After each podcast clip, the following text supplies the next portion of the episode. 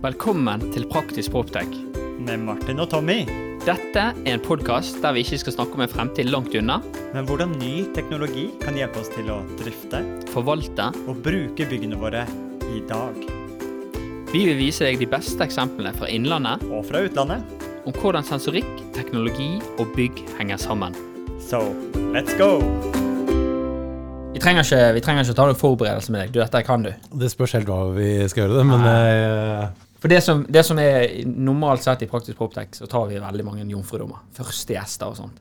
Men her så tror jeg kanskje du har hatt mer gjest enn vi har hatt episoder. i uh, Proptech så er jeg jo nybegynner, da. Ja, ok, Så vi tar en sånn første gang i Proptek-podkast. Ja. Ok, men det var Altså, nå, jeg, vet, jeg vet jo ikke hva jeg går til, da. Men har du, har du noen tips til oss eh, som skal lage en podkastepisode nå? Eh, hva, det, hva, hva kan vi gjøre? Har du noen gode tips? Hvem er det dere vil skal høre på? Vi har, vi har lært oss at lytterne våre er jo ikke bare vaktmesteren, men det er advokater, eiendomssjefer, Investorene. investorene, Styremedlemmene. masse økonomifolk. Ja. Jeg tror alle vil at ting skal være litt underholdende. Ja. Uansett, altså, Det eneste som er felles for alt det dere sa nå, er sikkert folk vil ha kvalitet. De vil lære noe, men så vil de underholdes. Ja. Um, Så vi har fått en vits eller to. ja, men, eh, nei, men sånn som det, dere er jo Dere byr jo litt på dere sjøl, da. Dere, det er jo det det handler om. Ok. Det gjør du, det gjør du også, da. Ja. Ja, vi, Hvis dere byr, så kan jeg liksom være med. Altså, Pakkeløsning. Men eh, nei, vi, eh, jeg tror det er eh, det viktigste. Uansett liksom, om det er en podkast eller om du sitter liksom på plassen din på kontoret. da. At det må jo være litt gøy, ellers så gidder du ikke. Det skal jo, det er, altså, alt skal ikke være gøy, men det må være netto positivt. Jeg husker når vi, vi gikk jo på Air Summit sammen for noen måneder siden, og du siste du sa til meg, var at nei, nå må vi ha det gøy. Nå må vi kjøre på. Ja, ja Før vi gikk på sending? Ja, ja. det ble jævlig Ja, bra. ja. Det var kjempegøy. Ja, ja. Så sånn sett så, du har, Vi har jo vært i samtale før. Du vet jo ja, litt av hva det går til. Eller hvem det går til. Jeg vet hvem jeg går til, men jeg vet ikke hva jeg går til. For du sa i stad, når du sa 'hvem er det som hører på', så, så pekte du på meg som styremedlemmer. Men jeg har ikke hørt på podkasten.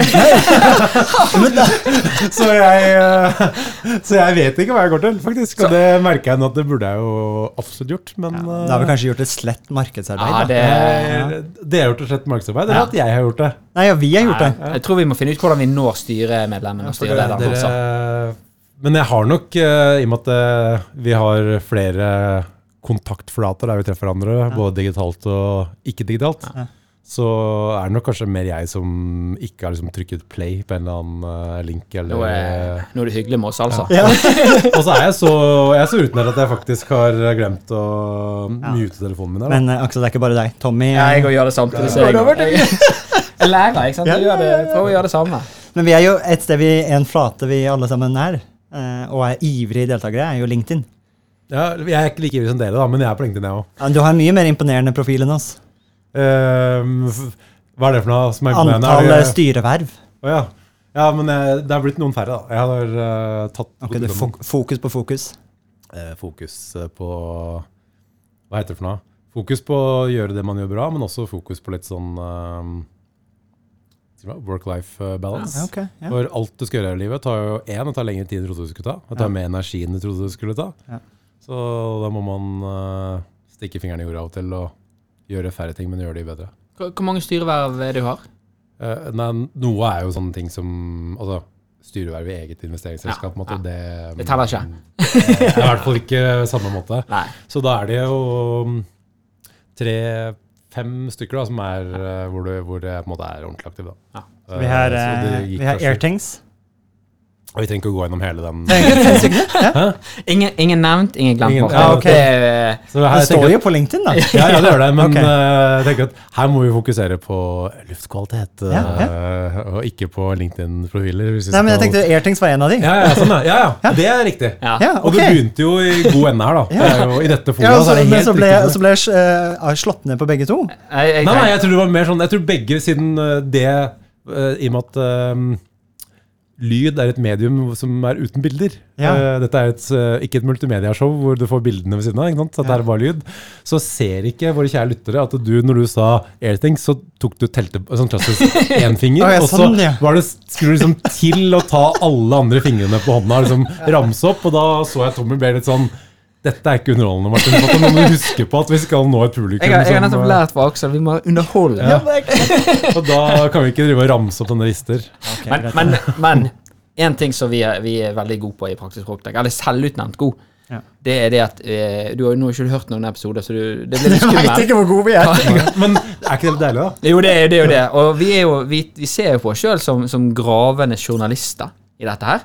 Eh, og vi har jo vi har fått eh, vi Nei, men vi har jo noe til felles med toppidretten der òg, Ja. tenker jeg. For vi, det er ikke bare at vi, vi møtes ikke bare opp på startstreken og så bare gønner på. Det er viktig med godt forarbeid. Vet du hva? Men det dere har mest til felles med toppidretts- toppidrettsutøvere, hva er det for noe? skada. Eh, bortsett fra skulderskadene mine. Nei, det dere har mest til felles, er jo det at eh, per definisjon, hvis du er toppidrettsutøver, så er du ganske nerdete på det du driver med. For det må til skal du bli best i verden på noe, så må du bruke sinnssykt mye tid på det og dedikere liksom nesten livet ditt til det. Jeg tror det var god fysikk du skulle si. Ja, eller? Hvis du er nerdete på å skape god fysikk, så får du god fysikk òg. Men uh, nå skal ikke jeg på en måte definere hva dere er nerdete på, men det at dere er nerdete, det har dere til felles med toppidrett. Og det er jo ikke Det er ikke noe jeg sier nå for å kødde med dere, det er jo en positiv ting. Ja. Eneste måten å bli ordentlig god på noe Enten kan du være utrolig naiv og tro at eh, du gjør alt det bedre enn alle andre, så du kan liksom bruke mindre tid på det. Men Ja. sånn funker ikke verden. Eneste måten er å være mer dedikert, bruke mer tid. Så at dere graver dere liksom så langt ned i proptekens verden som det dere to gjør, tenker jeg eh, Jeg har ikke hørt noen podcaster, som sagt, men det, ta, det er mye som taler for at dette her er en veldig bra podkast når det Ja, okay. handler om proptek. Er- Og nerd er jo positivt. Jeg husker, Det er det. altså jeg sier det, det er et positivt lada ord for min del. Men det, det visste jeg ikke før. Men jeg, i bryllupstalen til min kone så sa hun faktisk at eh, en av mine beste egenskaper, eller det hun likte, det hun falt for, det var nerd. At jeg var nerd. Men- Nå hører det med at første gangen jeg møtte henne, så viste jeg hvordan jeg kunne nattsenke huset mitt mens jeg var på fest. For å spare fire øre kilowatt. Det var Men uh, siden, eh, så sa du også etterpå Men siden du skal være med meg hjem i kveld, så skal jeg skru opp temperaturen litt. Hva er din Den yndlingstemperatur? skulle jeg ha brukt. Altså. Det var, nei, så det. Jeg var litt for nerd for å skjønne Jeg mitt eget jeg beste. ser for meg at du kommer, så bare Hvilken temperatur liker du å sove? Og Nå, nå hater jeg meg sjøl for at jeg aldri har brukt en pickup line med og liksom sånn Når vi skal hjem i kveld, hva skal jeg stille Nei, den var Dette er jo en ny reklamekampanje for Tibber, det. Ja, det er faktisk det. Dette kunne vært en reklame for Tibber. Ja, Men, men vi har gjort litt grovarbeid, Ja. med, og dette er jo kanskje det unormale grovarbeidet. Så vi har jo hatt veldig fokus på, på den karrieren du er i nå, som vi er veldig fascinert av. Så en person som jeg eh, ringte i går, er jo en eh, styrekollega, blir det vel kanskje, Geir Førre. Ja. Det er alltid Han- spennende. Han hadde én historie, og så fant han på at nei, den kunne ikke han fortelle. Og den fikk jeg ikke ut av han. Så den, den skal jeg jobbe med. Ja, den eh, Nå ble jeg veldig Ja, Men det jeg fikk høre, det jeg fikk høre, det var det at han, han sa veldig mye positivt. Og han sa at du hadde kanskje en av de tingene han likte mest med deg, var den magefølelsen eller intuisjonen din, at liksom her er det noe bra. Og en ting som ikke jeg visste, var jo at du var faktisk før han som investor i Disruptive Technologies. Mm. Og det var han som egentlig kom etterpå, selv om han er liksom den tidlige investoren som er veldig tidlig inne. Hva, hvordan oppdaget du Disruptive? Hva, hvorfor var du fascinert i disse små mikrosensorene, som vi òg har hatt en episode om, by the way? Eh, nei, først må jeg nesten ta um, i Geir sitt forsvar, da. Det var sånn jeg traff han, faktisk. Ja, det fortalte da? han. Ja, så det var um, Han er en råtass, uh, men det var ikke at han ikke hadde Han hadde rett og slett uh, konkurranseforbud, han. Det var derfor ikke han var inne. Ah, han Det hadde- kjente meg. Han hadde, altså han hadde akkurat da Han var på vei ut, sikkert, da, av um, den non-competen som han hadde etter han hadde solgt eh, Energy Micro, tenker jeg. Ja. Som gjorde at eh, det var måte først den sommeren han kunne begynne å se på ting. Mm. Eh, så at jeg da hadde kikka på det den våren, det var nok mer fordi at han måtte holde seg unna, enn, enn at jeg var så tidlig ute. Men, men faktisk, sagt. det, var, det, det var akkurat egentlig da jeg hadde begynt å investere i litt uh, tech-ting. Ok. Og så kan jeg jo ikke noen ting om uh, I hvert fall ikke så Hva skal jeg for noe? I hvert fall ikke om det som Disruptive skal gjøre. For liksom, jeg har aldri liksom laget Jeg har aldri liksom tatt ut eh, tatt ut noe i silikon på en måte, og liksom, dette denne chipen skal funke. Um, skjønte ikke hva det innebar på noen som helst måte, men apropos nerdete, da, så er det umulig å ikke le, like gründeren uh, i Disruptive, Erik. Han er jo altså han er sinnssykt smart Ja. og sinnssykt dedikert. Mm. Så det var egentlig bare at jeg møtte han liksom halvtilfeldig. Og så um, syns jeg det var ganske sjukt å bare prøve å forstå hans verden. Uh, og så um,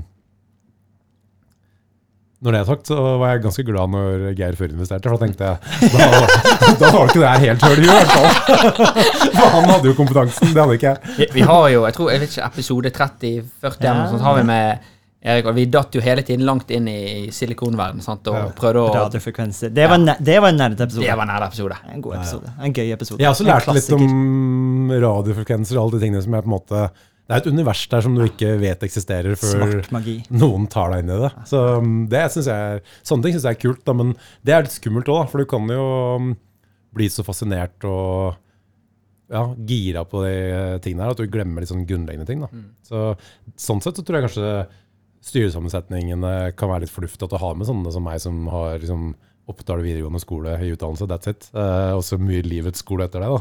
Ikke det var ikke noe galt om Oppdal, det var mer det at det, det er liksom på videregående stoppa. Um, som jeg tror liksom er en bra dynamikk i et sånt styrerom. da. Mm. Uh, og for å Skal jeg ta en historie om Geir, da? Siden han hadde tatt Ja. en historie. Altså, Ge- Geir skal jo inn i studio òg, så vi, vi ja, trenger litt Han er, eh, ja, men Ta en historie som på en måte handler om akkurat det her. Han jeg husker ikke når det var, men det var ganske tidlig etter at jeg hadde For da var, satt jeg i et par styrer sammen med Geir.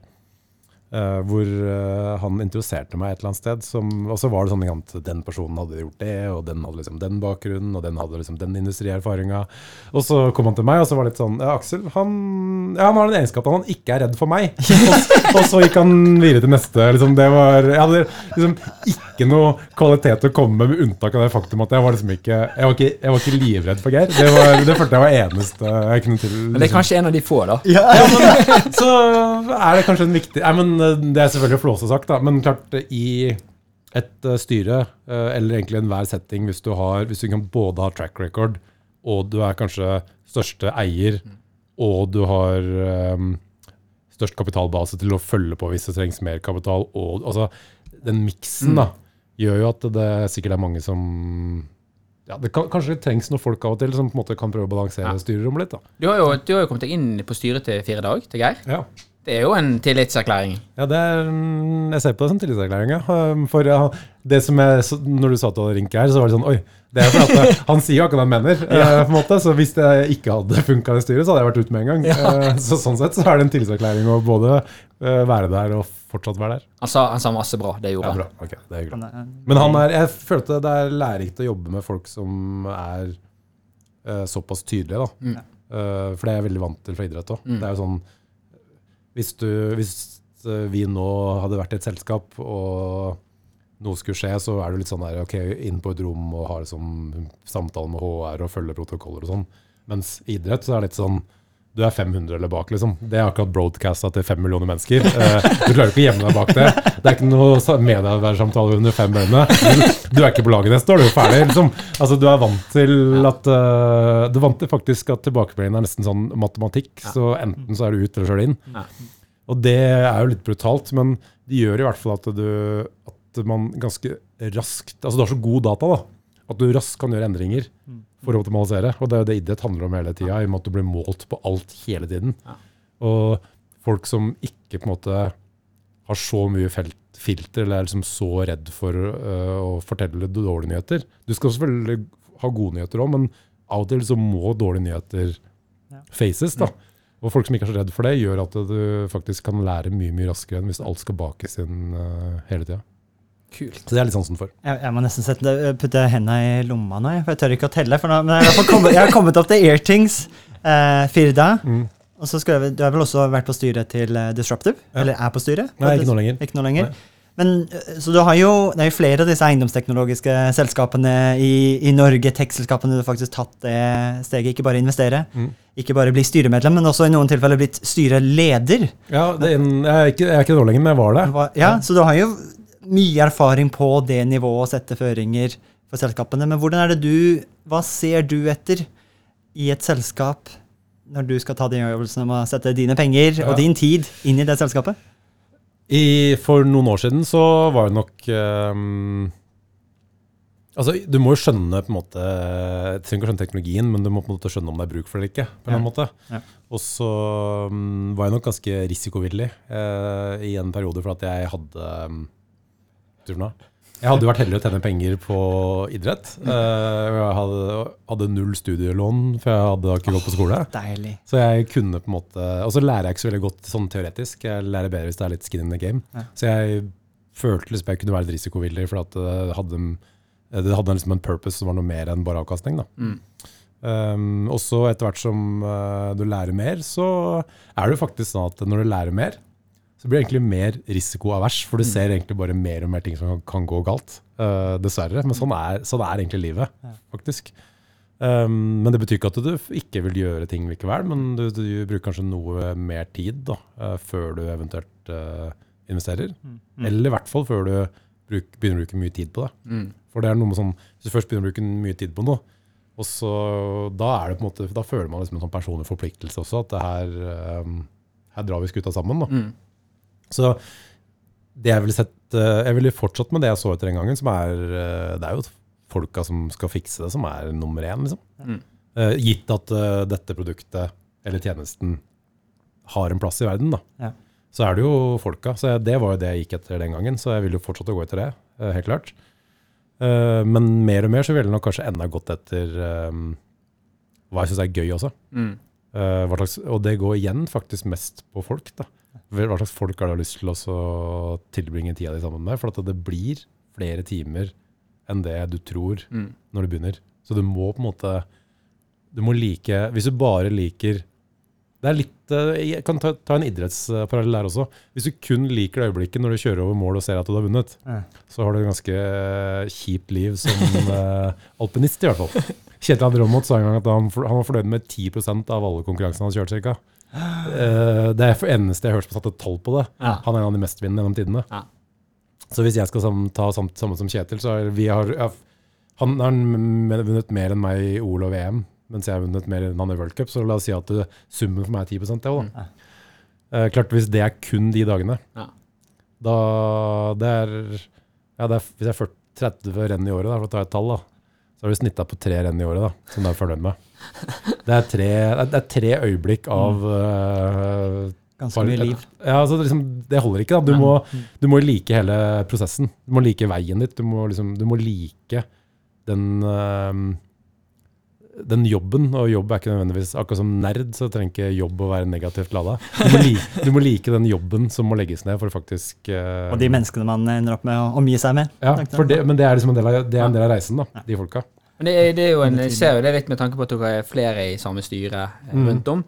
Men, men eh, for, de, for de og lytterne våre som, som jobber mandag til fredag, syv til tre, ett Ja. selskap, de er Syv til tre. Eh, Hva slags arbeid? Hvorfor tre? Er det vanlig? Det er working 9 to 5. Det er det dårlig parten, det. det er, Ja, så hun begynner litt seinere? Ja, hun begynner senere. ja, ja. Nei, men sju til tre, kjør på men det. så de, som- ok, de, som jobber, eh, de som er trofaste mennesker med én arbeidstittel, sant? De, Mm. de har ett selskap.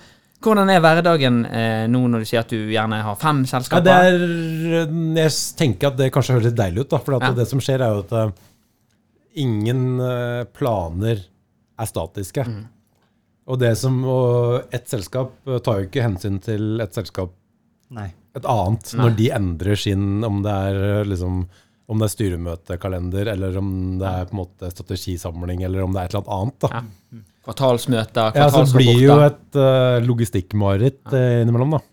Men, men klarer du liksom å komme ut av fokus der du er, sitter med noe helt annet, og så er du dypt nede i et tech-selskap? Ja, det, det, jeg, det tror jeg bare er sunt, faktisk. Ja. Ja. Og så er det kanskje sunt òg hvis ikke alle som skal se på det, har øyne som har sett på det 24-7 de siste to månedene. på en måte. Ja. At det er lurt at Du får, du får, fokus får- ut for det.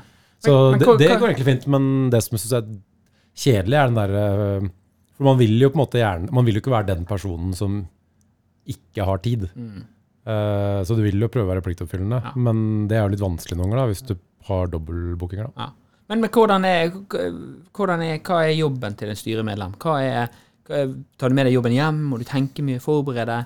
Masse møter? Hva, hva er Ja, det er, det er veldig forskjellig fra selskap til selskap, og så er det veldig forskjellig på um, akkurat hva som skjer i selskapet der og da.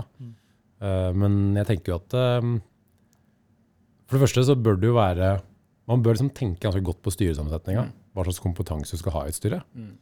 Um, for også, er det også selskapet, altså administrasjonen sin jobb litt sammen med styret, og så også gjøre dette et fora som er produktivt Mm.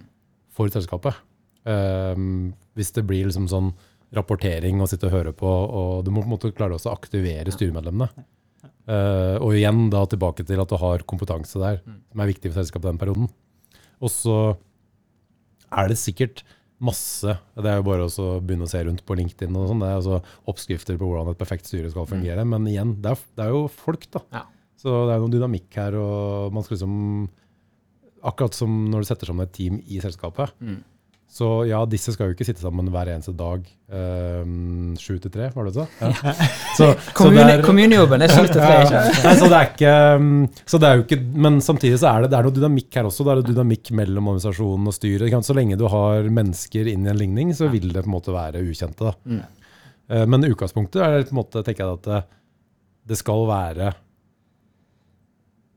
altså, Et bra styre skal ja, det skal kunne hjelpe liksom, CEO eller eh, om det er andre i administrasjonen ved korsveier, eller, men også på en måte liksom helt sånn over altså, Strategi, Mm. kontaktnett for å så komme det, en, det kan være alt fra er det en underleverandør, eller er det go to market, hvor Mm. man trenger å liksom få verifisert noe med en kilde som ikke sier ja bare for at altså, Mm. At du kjenner det fra før. Da, så Ja. du har, altså, et godt styre tenker jeg er en, um, en slags Jeg skal ikke si at det er en sirkel rundt selskapet, men det er i hvert fall en viktig puslespill i selskapet som kan hjelpe selskapet Mm. veldig veldig mye. Men det er ikke bare å sette ned et styre og tro at det skjer. Altså, det er også en prosess å komme dit at styret kan fungere på en måte. Og så må, styret ha innsikt i hvor selskapet er akkurat der og da. Mm. For det, hvis du liksom blir veldig ivrig, og så skal du dra med selskapet til X, Y og Z, da, for at det her er det liksom store markedsmuligheter, Mm. Eh, Så blir det sånn, hvis én, hvis uh, selskapet ikke er klart, så, eller, så blir det masse ekstra støy da, i Mm. selskapet. For at det der, la oss si at man bygger et eller annet over her. da. Plutselig så skal liksom fokus på dette. Mm. Så du får liksom ikke gjort ferdig det som du egentlig driver med. Mm. Eh, For at du ser en markedsmulighet for at et styremedlem plutselig har en kontakt, så er det Timingen er viktig. Pluss at du brenner jo kontakter ikke sant, hvis ikke du er klar for å levere. da. Så Det det, var- Sky- det- Skynde seg forsiktig, var ikke det i notatene våre? Jo, og apropos, jeg prata med en annen gjest i Praktisk Prat. Vi har en ganske god På 65 episoder så har vi Ja, å mange av en dine Mange av kollegaer av deg i, i Det det. Ja, ja. Så Renate Straume. Du har vel ikke sittet i styret, men du har du vært i investormøter ja, eller, med dem? så jeg jobber i Norslab. Så det var jo den Du begynte jo på lista i stad, så det var jo Som jeg ikke fikk lov til å fortsette? Nei, for 50% av den lista som du begynte på, var, øh, ville jo vært Norslab-selskaper. da. Ja. Eh, og der er jeg ikke i styret i Vari, men jeg kjenner jo selvfølgelig til det. Hun, hun, eh, hun beskrev Jeg tok noen notater, for jeg tok, jeg ringte til Renate og spurte okay, hvordan er det å være i et uh, styremøte med, med Aksel. Så, da skrev hun 'veldig påskrudd og smart'. Eh, ta med seg et perspektiv, perspektiv som en daglig leder som kanskje mister det, det innsiktet, så ta med et nytt perspektiv. Veldig menneskefokus. Ikke en pusher, men en som stiller store krav. Mm. Og så det du nevnte nettopp eh, i starten, det å du har jo et nettverk, og jeg tenker styremedlemmer kommer inn og, og tar med seg et nettverk og sine kontakter og sine erfaringer. Eh, men veldig viktig med timing, at man kan bruke de introduksjonene på riktig tidspunkt som man ikke, som du nettopp nevnte, ikke brenner i. Ja. Så det har hun også eh, resonnert og reflektert over. Ja, men jeg tror det er um, Du har jo Altså Man sier jo sånn mediemessig at det tar liksom fem år eller mer å sånn bygge et uh, liksom bra image. da. Og så river du ned på fem sekunder hvis Mm. du på en måte driter deg ut. Men, og det er kanskje ikke så brutalt med mennesker du kjenner, men det er litt sånn der at hvis du har en kredibilitet, da, Mm. og så kommer du drassende med masse greier bare for at det Og du er jo ikke helt nøytral heller. Hvis du sitter i styret, Mm. så har du, om du har opsjoner, kanskje du har eierandeler i selskapet Mm. Ha litt sosial intelligens da, Ja. på hvordan du faktisk bruker kontaktnettet ditt, sånn at du kan bruke, bruke det. Høres jo ut som altså, Det er fryktelig fryktelig tynn strek mellom bruke og misbruke. dette. Når bare du sier ordet 'bruke', så er det nesten sånn at du hører 'misbruke' i bakgrunnen. Men Utnytte. ja, men, ja, men det, er, det er close, da. Men Ja. gjort riktig, så er det jo en vinn-vinn. Ja. Eh, men det er bare her man liksom må holde tunga litt rett i munnen. Da. Mm. Nei, jeg tror ikke man må undervurdere verdien det er for mottakeren, en sånn introduksjon. Mm. For det er jo en filtring og kvalitetssikring. Man får jo ganske mange Det er ganske mye støy der ute av produkter, tjenester, teknologier som blir utviklet, spesielt som en eiendomsaktør. Det er mye risiko å ta på Mm. sånn tek ny teknologi. Men det å ha noen man kjenner som vouch for it, som ha- har satt seg inn i det, og som ok, du vet jo også du sitter med med eierskapet, men det er ganske verdifullt det å få den introduksjonen. da. Ja, og hvis du i tillegg liksom er litt sånn tidlig ute, og, sånn som nå for eksempel når verden, altså det grønne skiftet, det skjer. Og en av de liksom viktigste måtene jeg tenker det kan skje på, er jo når bankene liksom begynner å ta tak. For da- er det, en ting er at du hvis, du, hvis du får beskjed om at hvis du gjør dette, så kan du spare x antall kroner på en Nå har jo energi blitt veldig fokus på nå, da, men det er litt sånn, det er litt sånn fram i tid. på en måte. Det er en investering, kommer fram i tid. Ja. Idet bankene begynner å komme med at du får bedre betingelser, eller du blir eventuelt straffa hvis du ikke har gjort tiltak, da skjer ting ganske fort. Og der er det jo en kompis av meg som eh, sitter i styret i Vari, og også som kjenner til flere av Norslab-selskapene. Han brukte jo både Vari og Carrot. Ja. Når han, eh, når han pussa opp en, eh, et næringslokale. Eh, og kom da til Jeg tror han brukte én ting til som jeg ikke husker. Kom til banken med rapporteringsverktøy, viste avfall, viste én ting til på energi. Og fikk eh, bedre betingelser eh, i banken, som gjorde at uh, yielden på eiendommen plutselig var bedre. Ja. Da begynner du liksom å snakke at eh, da kan endringer skje ganske fort. For en, en prosent, eller halv prosent på 100 millioner, det blir plutselig ganske mye penger. Ja, så er det jo i hvert fall sånn når vi er litt nå, rentene stiger, eh, det er mange som er skvisa på, dessverre, på forskjellige måter. da. Og så alt du kan gjøre da for å puste litt lettere og klare å liksom se framover igjen, og ikke slite med å få, det til å gå, få regnestykket til å gå opp måned for måned. da. Klart Hvis eh, grønne tiltak kan gi deg liksom litt eh, luft, da, så du får puste, puste litt, så tenker jeg at det er ganske små investeringer du skal gjøre for å egentlig For å én, ja, du får betalt for det for at du mm, får bedre terms, men det er noe med sjeleroa også. Mm. At du liksom har optimalisert alt du kan, og banken har satt pris på det og på en måte gitt deg en eh, bonus for det. Og så mm, har du liksom et godt forhold til Altså en vinn-vinn for alle. da. Det er en vinn-vinn for de som er i bygget. Det er en vinn-vinn for deg, og det er en vinn-vinn for banken. Um, Og hvis du attpåtil har eh, blitt bitt av den eh, inneklimabasillen og tatt eh, inneklima på alvor, Yes. og kommet inn med noen airting-sensorer kanskje, oh yes. så får du eh, også veldig fornøyde og produktive ansatte i bygget. Og det hjelper jo på eh, bygget også. Ja, men uh, vi snakka om i stad at uh, data det, er det som er bra med idrett, er liksom Jeg liker idrett at det er så rå bruk av data. Ja. Det er jo um, Altså, du sier fornøyde ansatte. Og fornøyde ansatte er jo på en måte en det, det er sikkert noe, Du kan sikkert ha noen medarbeiderundersøkelser på en måte greier som gir noen tall der også. Men jeg liker jo på en måte eh, bare rådataen, jeg, da. Um, ikke sant, I forhold til om det er CO2 eller om det er på en måte mer graverende ting. da. Altså, CO2 kan jo være graverende, det er på at du tar dårlige avgjørelser hvis du, hjernen fungerer dårligere. Men eh, bare altså, Radon, for eksempel, da, som vi egentlig snakker ganske lite om, men som er I podkasten eller generelt i verden? Nei, generelt i verden. Ja. Han, han vet ikke om vi snakket lite om i podkasten. Vi snakka om det i episode. Nei, men eh, vi snakker jo ikke veldig mye om det. Nei. Det, det er faktisk Og litt det er faktisk livsfarlig. Ja. Altså, det, det er lov å si at det er livsfarlig uten å overdrive. Vi er jo, vi, nå, er, nå er jo ikke tilfeldig vi, hvor vi spiller inn. Vi spiller jo i gamle VVS-foreningen, sånn Norsk Energimiddelteknisk Forening. Og i denne bransjen her har man vært veldig flink å holde eh, øynene oppe på legionella. Legionella og, og, og eh, det er jo, der er jo det Jeg tror det er sånn én som dør i året. Vi har hatt noen år der det har vært ti eller elleve. Mm. Men, men det er jo 370 stykker hvert eneste år i Norge som dør av, av lungekreft. Forårsaket av Nettopp. Og det er jo da men så er jo det litt annerledes. altså Legionella, så dør folk, de blir sjuke der. Ja, ja.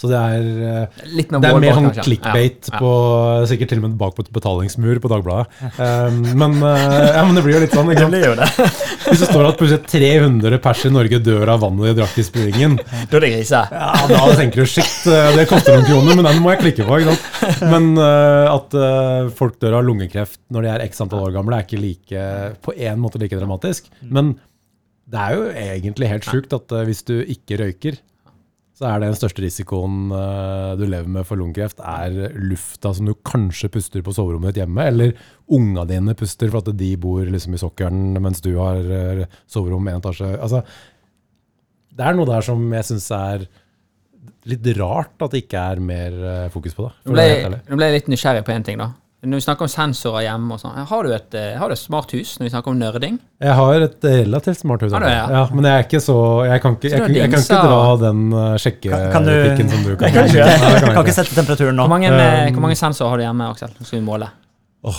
det har Så jeg har fire AirThing-sensorer. Ja. Um, og så hva slags andre ting er det som kan regnes som sensorer? da? Nei, du, du kan få lov å velge sånn, hvis du har sånn Philips Philips Hue. Hue-pærer og litt sånne ting som det. Nei. Tibber, Tibber Puls. Det ok, du, du har, du har Homey. Home Assistant, Nei. Future Home. Nei. Nei, nå, nå, nå viser vi bare, nå underbygger vi nerdefakta. Men jeg har på en måte Har du Men, men, men Aksel, noe? bare spør Tommy. Han vil at du skal spørre han. Ok. Um, Tommy, Ja, Aksel? hvor mange sensorer har du i huset ditt? da? Dagen jeg telte faktisk for anledningen, da, for jeg har prøvd å få noe til å spørre. Og du gjorde det Ja, ja, tilfeldigvis. tilfeldigvis. Så jeg, eh, jeg får en pakke Jeg får tre nye pærer i posten i dag, så min kone henter nå. Og så får jeg en ny Homie, den flett nyeste Atom Homie. Hva er det for noe? Det er jern. Jern i huset. Du, jeg har sånn robotstøvsuger, teller det? Ja, det teller. Ja, ja, ja. For den har masse sensor i seg. Og så har jeg fått en liten pakke fra Future Home, som jeg holder på å teste. Så jeg er oppe i 1836 sensorer nå. Så du kan få låne noen. Det var eh, til kontekst, da. Det, for eh, 18 måneder siden så var det 1268. Og da var, han på, da var det Ukesmagasinet i Bergens Tidende. Hadde Tommy med to sensorer. Han så ut som en gal professor. Den gale professoren og sitt smarte hjem. Og det var det Men hvordan 1286. eh, Altså, det høres ut som du må jo ha Cognite for å strukturere dataene dine. Skal du få noe ut av dette her? Det er, jeg, skal ikke, jeg skal ikke si at jeg får masse ut av alt. Men det jeg har gjort, jeg har testet masse generasjoner av sensorer. Sant? Så jeg har en protokoll som heter eh, Notion med solceller. drevet, så en annen for Z-Wave og Zigbee. Og så er det Airthings Disruptive. Og så er det alle lysene. Sånn, det kommer, sånn, men det var masse nyttig. Sant? Nå hadde vi nettopp eh, Ja, jeg har også noe lys med bevegelsessensor. ja, det, Det også er en sensor. Ikea. Ja, ja, ja. Eller er det sånn innebygd? Det er noe Og Men du må ha et API. Du må kunne hente ut Ja, det, pærene. det er ikke noe API, tror Det, jeg. det, det er kravet for at du kan si Det er definisjonen. Men det, men det er masse sånne altså En Google-høyttaler er jo en sensor. sånn det, og de kan jo, Jeg bruker det i dag til eh, som ungene skal på skolen klokken åtte. Kan jeg gå tidlig. Eller ungen skal legge seg. Legge seg, pussetid. En hel opplevelse å være hjemme hos Tommy. Halloween-modus. Alle ja, lysene. sånn, Forklar når ungene skal uh, gå på skolen. Hva, er, hva gjør de søtalerne da? Så, eh, det, så scenario, da. Jeg har Ja. et scenario som heter Ja. skoletid. Så, så fem minutter før skoletid så dimmes lyset ned i alle rom utenom ut i gangen. Ja. Sånn at det er litt sånn saueflokkmentalitet, at de har lyst til å gå ut. Ja. Og sånn ikke det virker Hvor gamle er disse barna? eh, Nei, hun, hun For Hvis du nå sier at de er liksom 17, så tenker jeg at det er litt skummelt. Er det 21? Nei da. Eh, hun, eh, hun eldste hun, er, hun blir ni, og hun mellomste da blir seks. Okay. Eh, så- det, er, er helt på limit. Ja, det, det er for limit. Men, men unge kan jo ikke, nesten ikke klokken i dag. Så det er jo det som er så, Og så er det liksom neste steg er jo at jeg stopper casting i alle rom. Eh? Og så aktiverer jeg skjermtid på alle telefoner. Stillemodus. Og så eh, sier Google-høyttalerne nå må du liksom pakke med sånn og sånn. Og apropos dag, så er det ta med gymtøy og sånne ting som vi maser på. Og da blir ikke jeg Du har programmert inn gymdagene? ja, Er ikke dette her eh, Vet du, det har jeg hørt om før. Hæ? Det har jeg hørt om før. Har du? Ja? Jeg lurer på om det er det de kaller sånn der eh, Hva er det de kaller for noe? Maximum eh, security Ja, prison. prison-opplegg i USA. Og, så, åpnes døren. Cell block 4! Ja, var det ikke i El Salvador eller noe? Det er sånn nytt fengsel nå? Jeg, jeg må jo si at jeg har en robothund hjemme av og til som patruljerer òg. Men det, vet, skal jeg lære deg ett triks med robotstøvsugeren din. Visste du at hvis du holder inne alle tre knappene, så kan du aktivere stalker mode. Og Da kan du se hva støvsugeren sier, så kan du snakke til ungen din med støvsugeren. Så jeg kjefter jo sånn i dag så jeg kjeftet med via støvsugeren. Nå må du gjøre leksene dine. En til. Du holder inne alle tre. Alle tre knappene på, eh, på Ja. robotstøvsugeren. Ja. Ta opp appen, ja. og da får du et, et sånn hemmelig symbol. Oi. Og så tar du en kode du lager, og da kan du fjernstyre støvsugeren fra hvor som helst i verden. Men da må du ikke trykke på knappene. Da kan Nei, du, du kan gjøre det nå. Og da, da kan du trykke fra hvor som helst. Jeg får alltid kjeft av eh, Men eh, la oss gjøre det. hjemme? Det er noen hjemme. Ja, det er jo det. Middagstid. Så hvis jeg gjør dette her hjemme hos meg nå, så har jeg et hemmelig symbol her oppe nå. Sånn. Så må jeg ta en kode. Nå fikk dere se den. Hey. Og da er det eh, robot docked, move it to view it. Og da må jeg bare for eksempel si ja, gå i stuen, for eksempel. Go. Og da begynner det å skje noe her. Så det som skjer nå, er at roboten går ut. Going to target. Og så går den ut av dokkingen. Så får jeg opp eh, kamera. Nå, nå, nå kommer jeg i trøbbel snart, da, hvis Therese er hjemme. Er på? Der er han. Der er Therese. Der er han. Nei, hvem er det? Det er Therese. Så kan vi snakke med henne. Hallo, Therese. Hører du oss? Hei, hei. Du må si hei til Aksel. Hei, hei. Takk. Så Jeg, tror ikke vi fikk, jeg, fikk, jeg tror ikke vi fikk med Therese på Var det på speaker? Ja, jeg var på Vi fikk speaker. med. Vi fikk med. Det var, det var den lille digresjonen jeg hadde. Men du ser Ja, ja. hvor spennende en liten sånn dings er. da. Så det, så det kommer en ny feature. Da kan du faktisk lære den til å finne ut hvor er komfyren din. Så kan du se om fyren er på, hvor ytterdøren er. Kan du le- så, kan, du- så reiser du på hytten, Mm. så får du sjekket. Og dette her, bare for å liksom Det du snakker om nå, det er en kinesisk produsent. Så midt på natten hører jeg av og til sånn Stalker mode activated. Nei, Nei det er jo eh, håper det er ingen stortingsrepresentanter som har robothund. Ja, men Hvis du kan liksom uh, gjøre alt det der fra din telefon, ja. Det, tror du det er noen andre i verden som kan gjøre alt det her fra jeg, jeg lever etter det mottoet at eh, jeg må være ganske transparent. For det, det, jeg, tror, jeg tror de sensorene mine oppfatter veldig mye. altså, Av disse eh, 18, 1836 37. 1837 sen- Det var én off. 1837 sensorene dine. Hvor mange av de tror du noen kan eh, komme seg inn på? Nei, altså Den verste er jo Martin. For han går inn på sensoren min på Airthings og sier hva skjedde den fredags... Hva skjedde den fredagskvelden der? Det var utrolig høyt CO2 klokken ti. Det var, Det verste er at jeg ringer Therese først og spør. ja, ja, nei, eh, jeg, vet hva, jeg, jeg, tror, jeg tror det er veldig viktig å, å tenke at teknologien som vi tar med inn på hjemmeautomasjon, i hvert fall, den, den tror jeg er ganske åpen og transparent.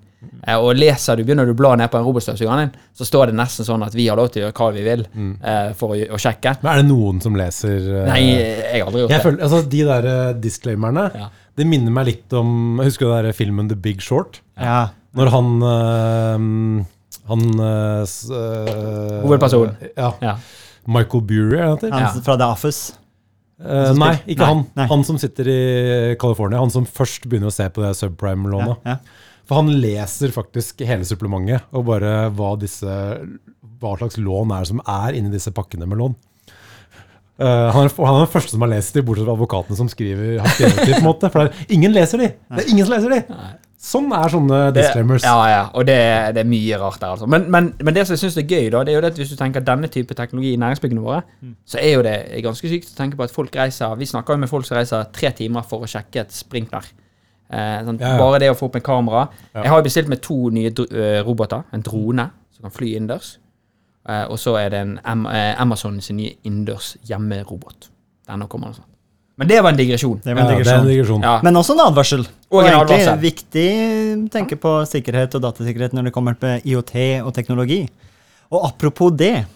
En som eh, Vi har nerda litt ut, og jeg har jo brifa med dine eh, luftkvalitetskunnskaper allerede og name-droppa litt eh, forskjellige parametere her. Um, jeg har bitt merke med det nå, at eh, etter at eh, Magnus Carlsen eh, har fått seg en Airting-sensor hjemme, Mm. Siste turnering nå, så var, var det veldig tydelig at han var veldig obs på å gå ut og åpne vindu når han merka at luftkvaliteten ble litt dårlig. At eh, han, er tydelig at han har tatt det inn over seg at for å prestere, så må det være god eh, luftkvalitet eh, i eh, områdene han spiller. Var det noe Og jeg også pratet med flere fra Olympiatoppen og Ja. Om det var noe jeg tenkte på når jeg så på toppen av et fjell og Ja, akkurat i det øyeblikket har du nok ikke den største utfordringen. Men du reiser jo rundt, du er jo på hotellrom. Ja. Det var jo treningsopplegg. Hvor bevisst eh, var du på eneste- inneklima, luftkvalitet, og hvordan det påvirker restitusjon, trening, aktivitet? Jeg tror det eneste vi var veldig bevisst på, var uh, luftfuktighet. Okay. At du er ofte i veldig tørre klimaer. Men tenkte dere på at det var infeksjon og Eh, sånne ting? egentlig nesten mer ja, Kanskje noe, men jeg tror for min del nesten mer sånn eh, altså velbehag, sove Altså restitusjon, da. Mm. Um, så enten så hadde vi med luftfukter ofte. Mm. Hvis ikke vi hadde med, så kjører den klassiske at uh, det er jo ikke så veldig mye Apropos energibesparelser, men at dusjen bare står på seg. så varmt du får dusjen. La oss eh, stå på en god stund før du skal uh, legge deg. Så det er skikkelig med vanndamp på badet, og så bare det inn på rommet. Det var på en måte sånn uh, sjokk, uh, sjokkvariant. Men hadde dere, hadde dere med Det var ikke legeteamet hadde med sensorer, eller dere hadde med sensorer, målte, var dere mer bevisst på det? Nei, jeg tror Det gikk mer bare på at vi, vi visste at det særlig i Colorado og i Andesfjellene når vi var der, i Chile, at der eh, er det veldig veldig tørr luft. Um, så der eh, hadde vi ofte med luftfukter, eller eh, eventuelt ja, ja, og så er det én ting til jeg husker. Det var helt vilt å komme på nå. Til OL i til Vis, Var det ikke Jo, Whistler. OL i Vancouver, når vi bodde i Whistler. Så var det sånn testprosjekt. Hvor dette her er nølete, det. Da, så over senga mi da, så sto det en sånn en, Det var en maskin som sto ved siden av senga, som hadde sånn Ser for deg på en måte en uh, dusj, på en måte. Bare Ja. at uh, istedenfor at det er et dusjhode, så ser det ut som en sånn, sånn gammel sånn grammofon, liksom. Sånn uh, trompethøyttaler, på en måte. Som var over senga. Som, så den, jeg tror den rett og slett rensa luft. Og så slapp den ut luft som var litt kjøligere, sånn at eh, den synker. da. Ja. Så jeg liksom ble dusja med nyrensa, sval luft hele natta.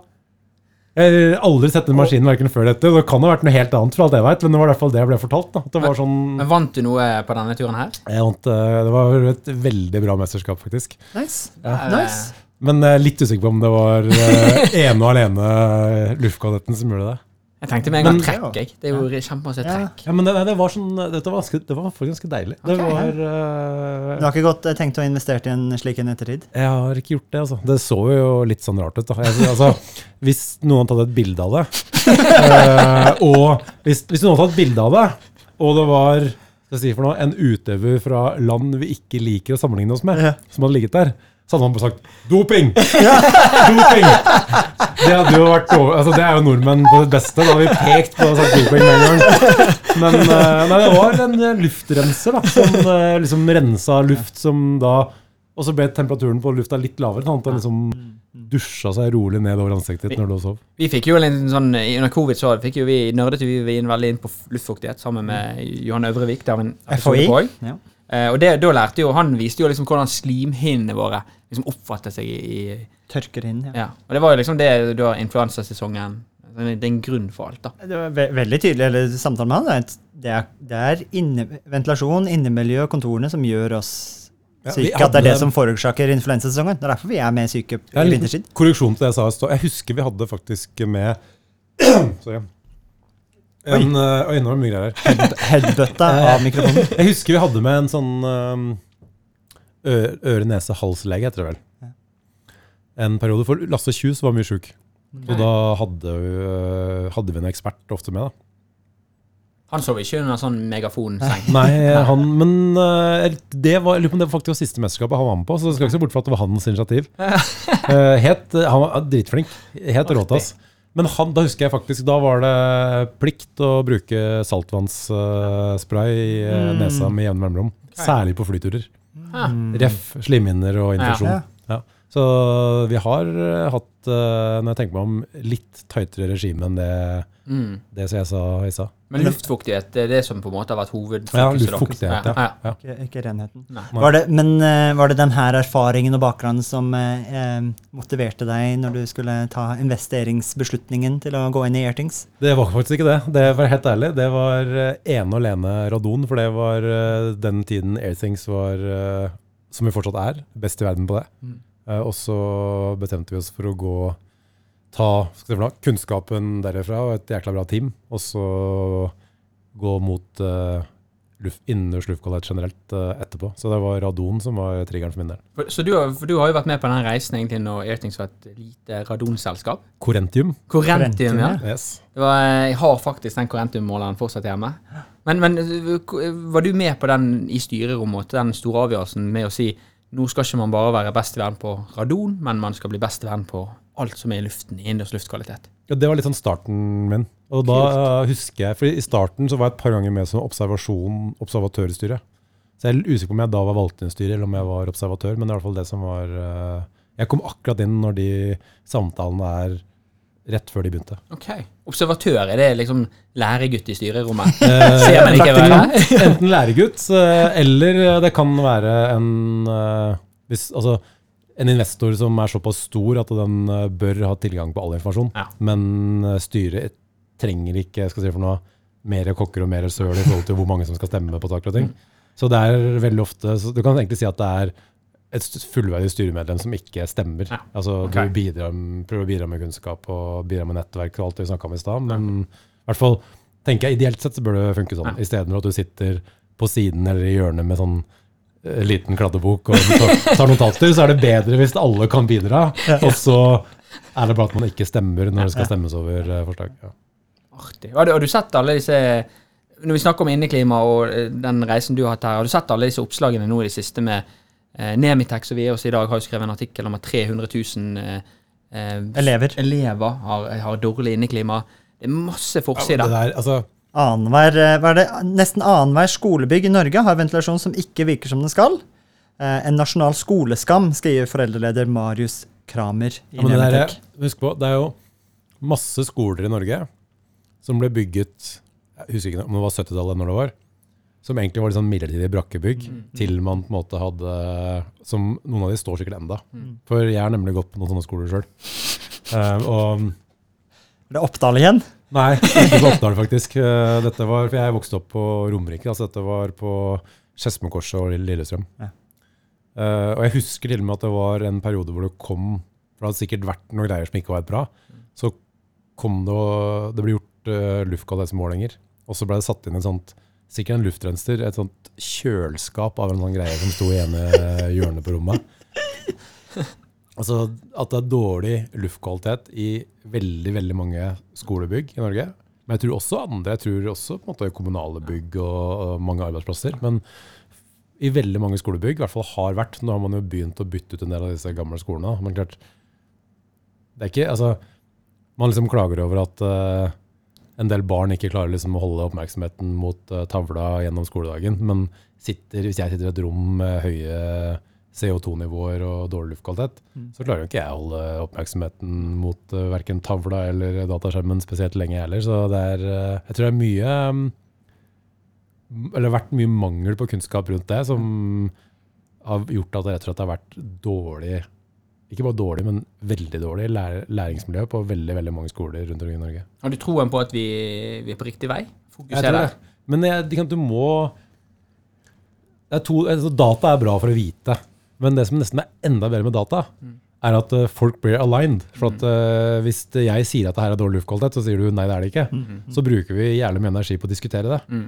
Men hvis vi har, her har vi fakta, og så er det akkurat som liksom FNs bærekraftsmål, så har du liksom helt uangripelige standarder som vi skal forholde oss til. Hvis du har liksom den type referanser på luftkvalitet, og så har du en sensorikk som er pålitelig og sier 'her er vi, der skulle vi vært'. Så bruker vi energien vår på å forbedre det, istedenfor å diskutere på om det faktisk er bra eller dårlig. Ja. Så liksom det er nesten det viktigste med data mange ganger, synes jeg, for å bare gå fra data til tiltak, istedenfor også å bruke Istedenfor å være politikere og bare diskutere hva vi skal gjøre, så må vi liksom, vi må gjøre noe. Det, det høres jo ganske dumt ut med tanke på at uh, selvfølgelig idrett så er jo alt på tid. Det er jo data. Du, du får, det, jeg følte det gikk bra. Du ser vel på tavlen og ser Ja, det, det, Det- det, ikke. Drit i hva du følte. Ja, ja. Tavla viser at det var ikke bra.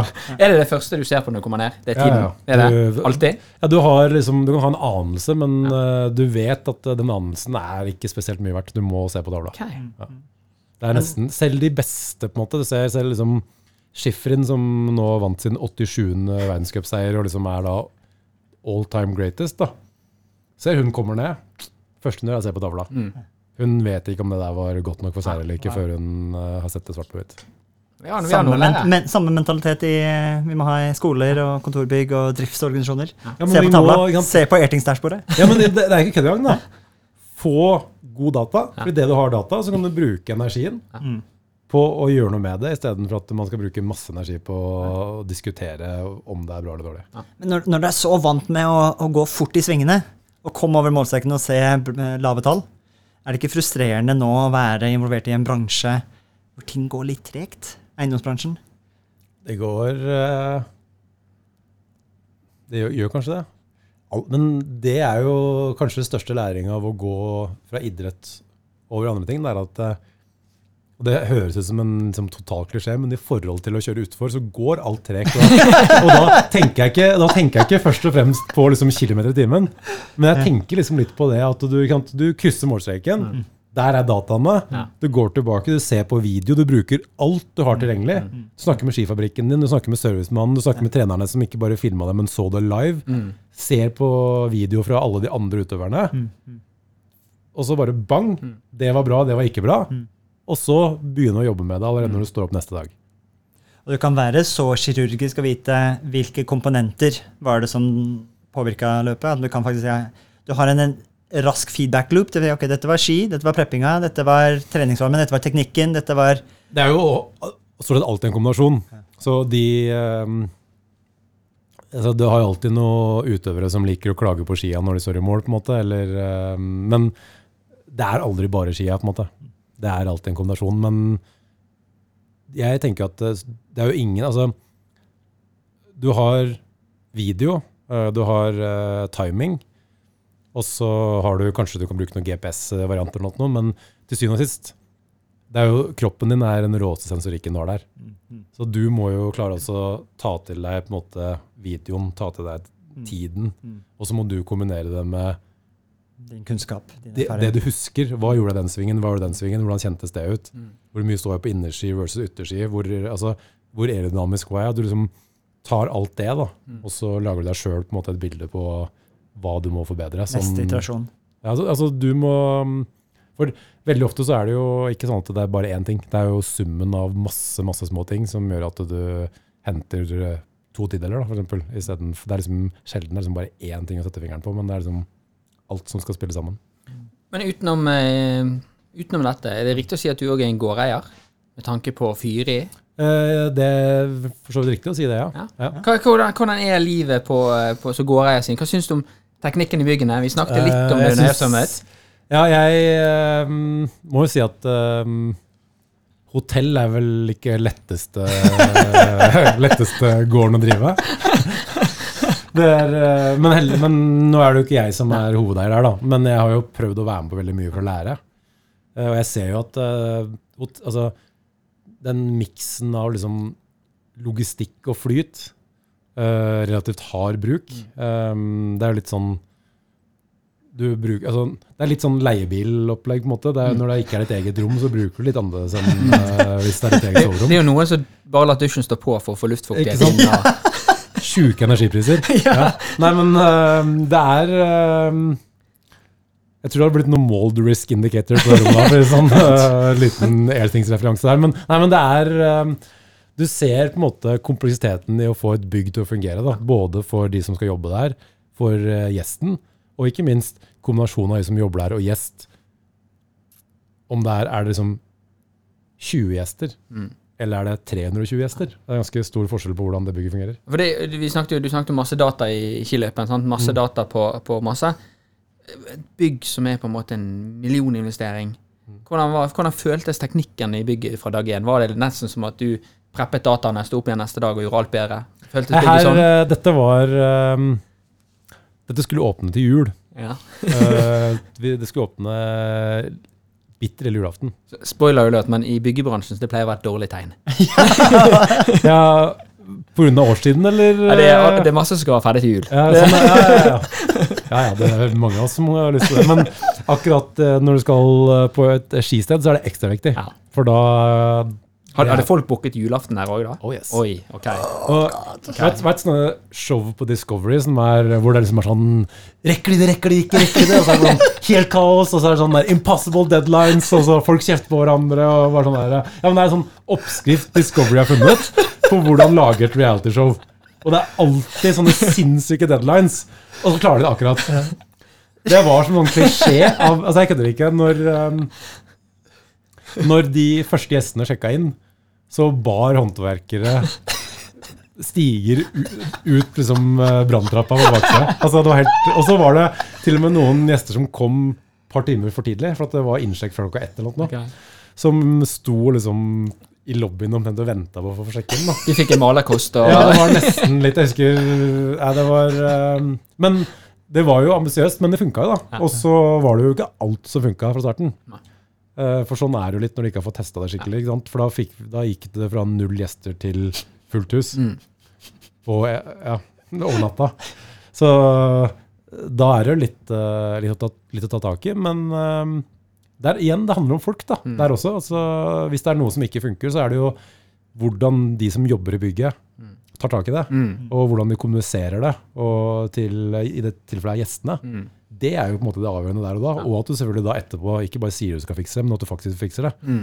For jeg tror folk Så lenge hvis, Om ikke alt funker hele tida, så lenge liksom, eh, totalopplevelsen er god og det blir på en måte gjort noe med. Mm. Så, og, sånn er det litt av og til. Altså, hvis du ikke gjør, alternativet var jo å ikke åpne hotellet i det hele tatt. Men det hadde vært gjerne kjedelig, det også. Eh, Jeg tror alle gjestene på en måte var fornøyd, selv om det helt sikkert var en og annen lysbryter som ikke var liksom For det var faktisk L var det verste. Var det? Veldig respekt for elektrikere etter eh, Ja, men det er altså så komplekst når det blir så mange punkter og så mye styring at um Det det er jo der jeg syns, syns trådløs teknologi er litt fascinerende. For når jeg holdt på med byggautomasjon tradisjonelt sett, og skulle koble en sensor, så var det gjerne åtte punkter. Sånn, fra sensor til koblingsboks til eh, tavle én inn til tavle to til undersentral. yes. Én vei på, plass på veien, så, så er du i, i trøbbel. sant? Ja. Det er jo der trådløs er litt sånn interessant, med at det er klistret på veggen, og Ja. ingen stige trenges. Rett vei. Rett vei, det er kanskje viktig. Men Ingen min- stige. Ja, det var ikke det stigene som skulle ut på bakrommet. Jo, nå er det ingen stige, for alt uh... Alt er menneskehøyde. Ja, ja. sant? Eh, Ja, men jeg, jeg gjorde gjorde litt eh, jeg burde jo, Nå merker jeg at jeg burde ha ringt til, uh, ringt til dere, da, men jeg bygde hytte her for ikke så lenge siden, som akkurat ble ferdig, faktisk. Er det oppe på, eh, på Hemsedal? Eh, På Kvitfjell. Kvitfjell, ja. Ja. Og da gjorde jeg litt sånn research på hva jeg skulle bruke. ja. Hva endte du opp med? Ja, det er det, nå tør jeg ikke å si det, nå, Nei, nå nå, jeg ser jo på det, blikkene deres at jeg liksom kommer til å bli slakta uansett hva jeg sier. da. Nå gikk jeg for noe som heter Played. Ok, Ok. spennende. Ja. Eh, for Mm. at eh, jeg synes bare det virket som om da Da gikk jeg for et system Ja. som hele tida utvikler seg, Mm. uten at jeg låste meg inn i noe hardware som gjør at jeg liksom er bakpå i løpet av uh, seks måneder. Svensk, svensk proptech, da. Ja. Eh, Kanskje noen som vil ha en gjester? Ja. Ja, jeg synes eh, inntil videre i hvert fall. vil jeg si Du er det- veldig underplayed din smarte. Ok, vi glemte å spørre om hytta, da. Ja. Men det er greit. Det er tydelig. ja, Der har du litt Hytten er smartere enn huset, da. Ja, men den, den er nyere, ikke sant? Ja. Ja. Har, du, har du støvsuger på sånn Roborox jeg viste deg nå i sted? På hytten? Eh, det har jeg ikke. Nei, for da kunne vi Men- tatt en visning nå, da. Ja, ja, ja.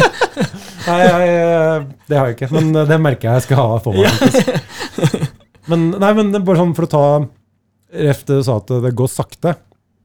Jeg skjønner jo at det, man er jo liksom vant med at man dessverre drar med seg en sånn legacy. ikke sant? Mm. For at når verden ikke var trådløs, Mm. og det var på en måte dyre systemer som du kjøper, og så plutselig så er det noe annet som egentlig er bedre, men så har du investert altfor mye i den hardwaren som sitter der. Mm. Det er jo dritt. Mm. Og da får jo folk litt sånn beslutningsvegring. ikke sant? Mens eh, nye, sånn som det jeg opplevde med Played, var at dette, dette er et system som jeg kan bygge ut over tid. Og jeg, upfront-kosten er ikke så jævlig stor, for du begynner på en måte med brutere, og så kan du adde på ting etter hvert. Ja. Og jeg tror det er også litt sånn veien for å få Men det er jo det en SAS-kostnad, altså en løpende kostnad for å ha det systemet? Ikke spesielt høy. Ikke Altså, det, spesielt, nei. Liten kostnad. det er helt avhengig av hvor avansert du skal. da. Det, det, her er vi inne litt på en interessant sånn i, i eiendomsbransjen, for tidligere har vi betalt en hardwarepris, Mm. og så alle andre bransjer, sånn Netflix og, og dette her, så er jo den lave eh, abonnementsprisen å holde det oppdatert. Og når jeg snakket med Geir, så, eh, så sier jo han, eh, når jeg snakket litt om styreverv og hvorfor han var inne i alle disse selskapene, det var jo fordi at han så for seg at dette her kom, den måten vi bygger på i dag, kommer til å bli disrupted. Og at denne nye teknologien som er på vei inn i byggene, kommer til å ta over. Har du tro på at det, det kommer en liten disrupsjon til, til næringsbyggene våre?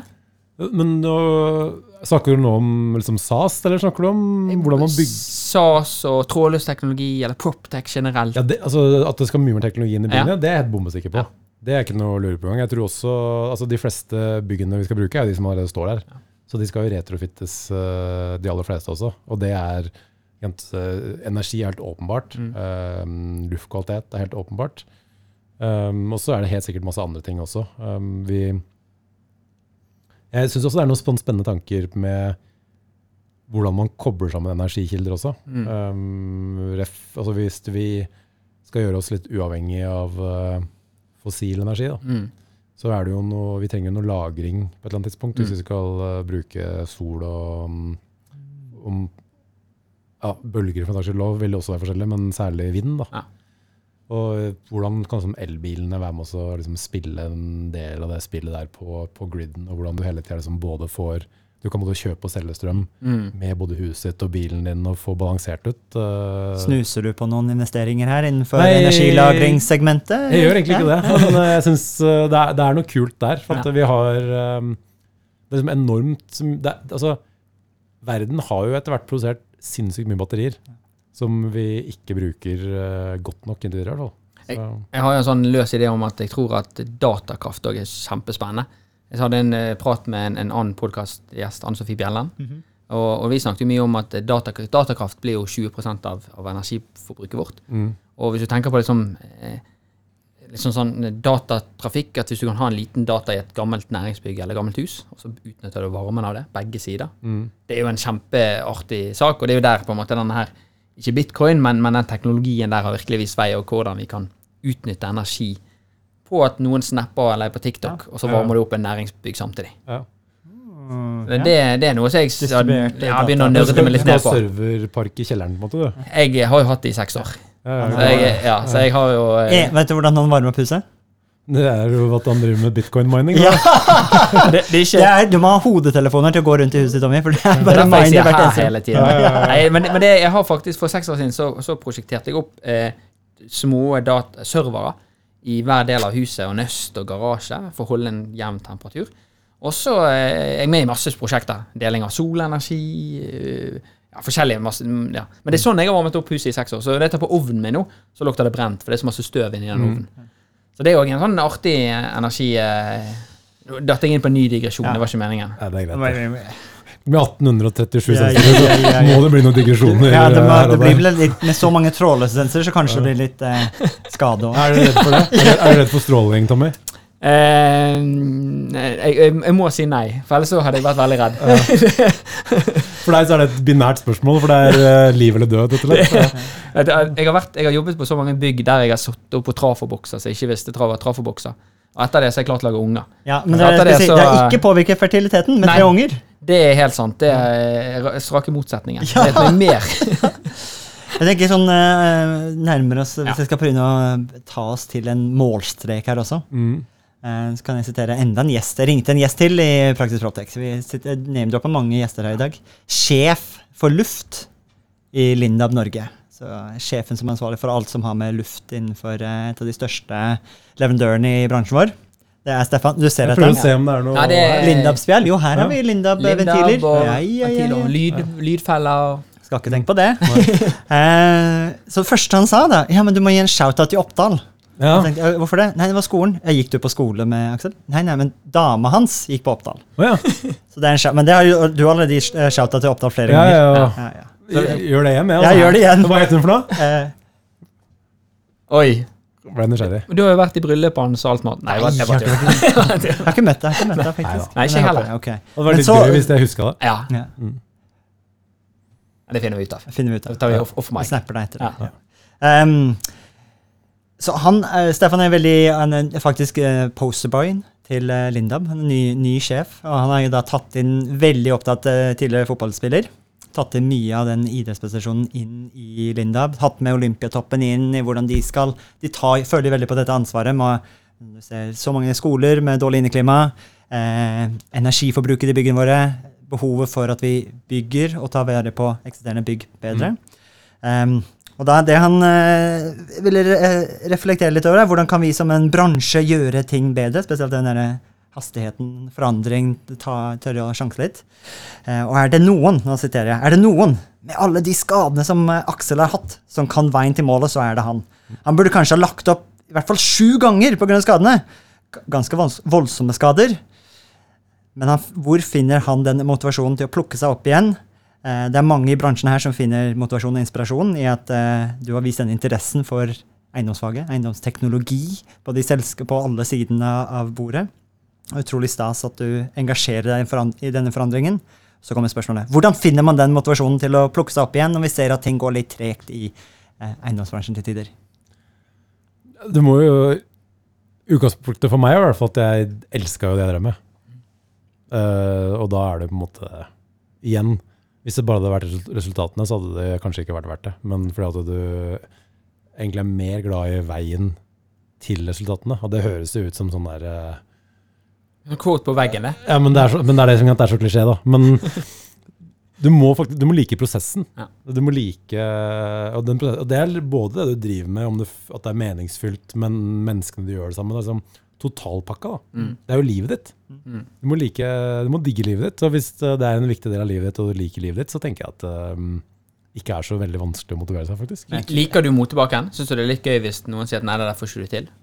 Uh, ja, det en utfordring. eh, er ikke så dumt. Men eh, det er litt tungt i lengden hvis du altså, Det var mye referanse til skader her. Det er litt sånn eh, For du vet jo når du blir skada, så er det sånn der du, De kan ta planlagt hele vinteren. Det er, denne den helga er det der igjen, den helga er der. Og så plutselig så er det sånn Ja, da blir det ikke det. Da blir det krykker isteden, da. Det er jo sånn Det er, det er jo litt dritt. Men samtidig Det er bedre å gå rundt på krykker og vite at neste vinter, Ja. da skal jeg være med igjen. Mm. Det er bedre, tenker jeg, Ja. enn å gå rundt uten krykker og tenke at jeg skal ikke være med i det hele tatt. Ja. Så mm, det er liksom der mye av motivasjonen ligger. Men jeg tenker en ting til felles av de Jeg vet ikke om det har vært 65, det har kanskje vært flere enn 65 gjester, for vi har flere gjester i, i podkasten samtidig også. Det de har til felles, og det, det er jo en lidenskap, en passion, til å ja, Man brenner for bedre bygd. da. Man brenner for det man holder på med. Man brenner for å Vi må ta en nytt, eh, ny teknologi. Det er gøy å nerde litt ut. Det er gøy å Det er jo lek i det vi holder på med også med sensorikken, men det er jo lek med litt alvor, for vi gjør jo faktisk at ting blir bedre og får til en forandring. Så jeg tror det er noe å ta med seg inn. Og definitivt en som har det gøy på jobb, så er det Stefan. Og så må jeg finne ut hva dama hans heter. Jeg tror, jeg tror det er kloke ord, avslutningsvis. Motivert Hans sine kloke ord. Ja, ja. Og jeg tror, og dessverre, jeg kjenner jo vi kunne fortsatt i time, og vi står jo her, vi har fått i oss smoothie. Ja, Vi trenger en smoothie til snart, da. Men jeg tror, jeg tror med det så er dessverre nok en episode av Praktisk Proptech over for denne gangen. Mitt navn er Tommy, Mitt navn er Martin. Og mitt navn er Aksel. og du har nettopp hørt på Praktisk Proptech! Den naila du, da! Det var jo mimikken i ansiktet deres som var så vanskelig å tolke. Jeg tenkte for aldri hørt en avslutning, så traff du på første. Ja, ja, ja, ja. Eh, Du, er jo- du løy, du. Du har hørt på noen episoder. Ja, ah, si det som det. Dere, det. dere, dere leser man som en åpen bok.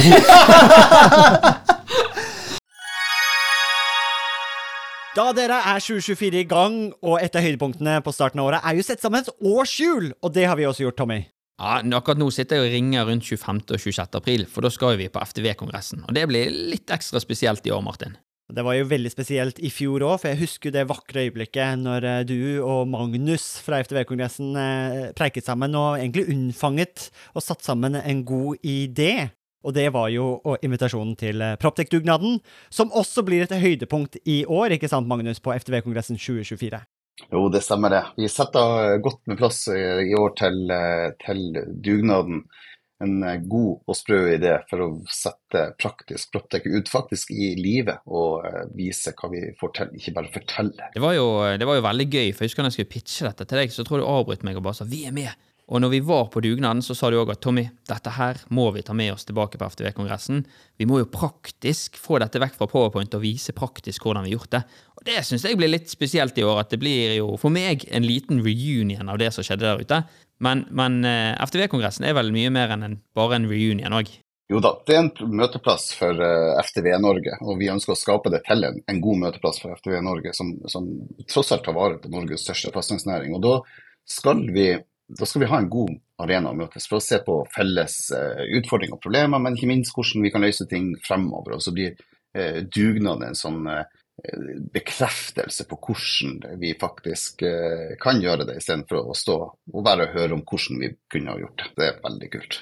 Og januar er jo en gavemild måned, så hvis du brenner for bedre drifting av bygg, så kan du få med deg en liten eh, rabattkode her også, så møtes vi kanskje 25.-26. april på Tung kongress Gardermoen, og den rabattkoden er ikke vanskeligere enn Praktisk Proptech med små bokstaver og uten mellomrom. Praktisk Proptech. Praktisk Proptech, små bokstaver, ingen mellomrom, ett ord. ftvkongressen.no, der ser du programmet, det blir oppdatert i disse dagene, og så møtes vi i april. Vi Vi ses! ses!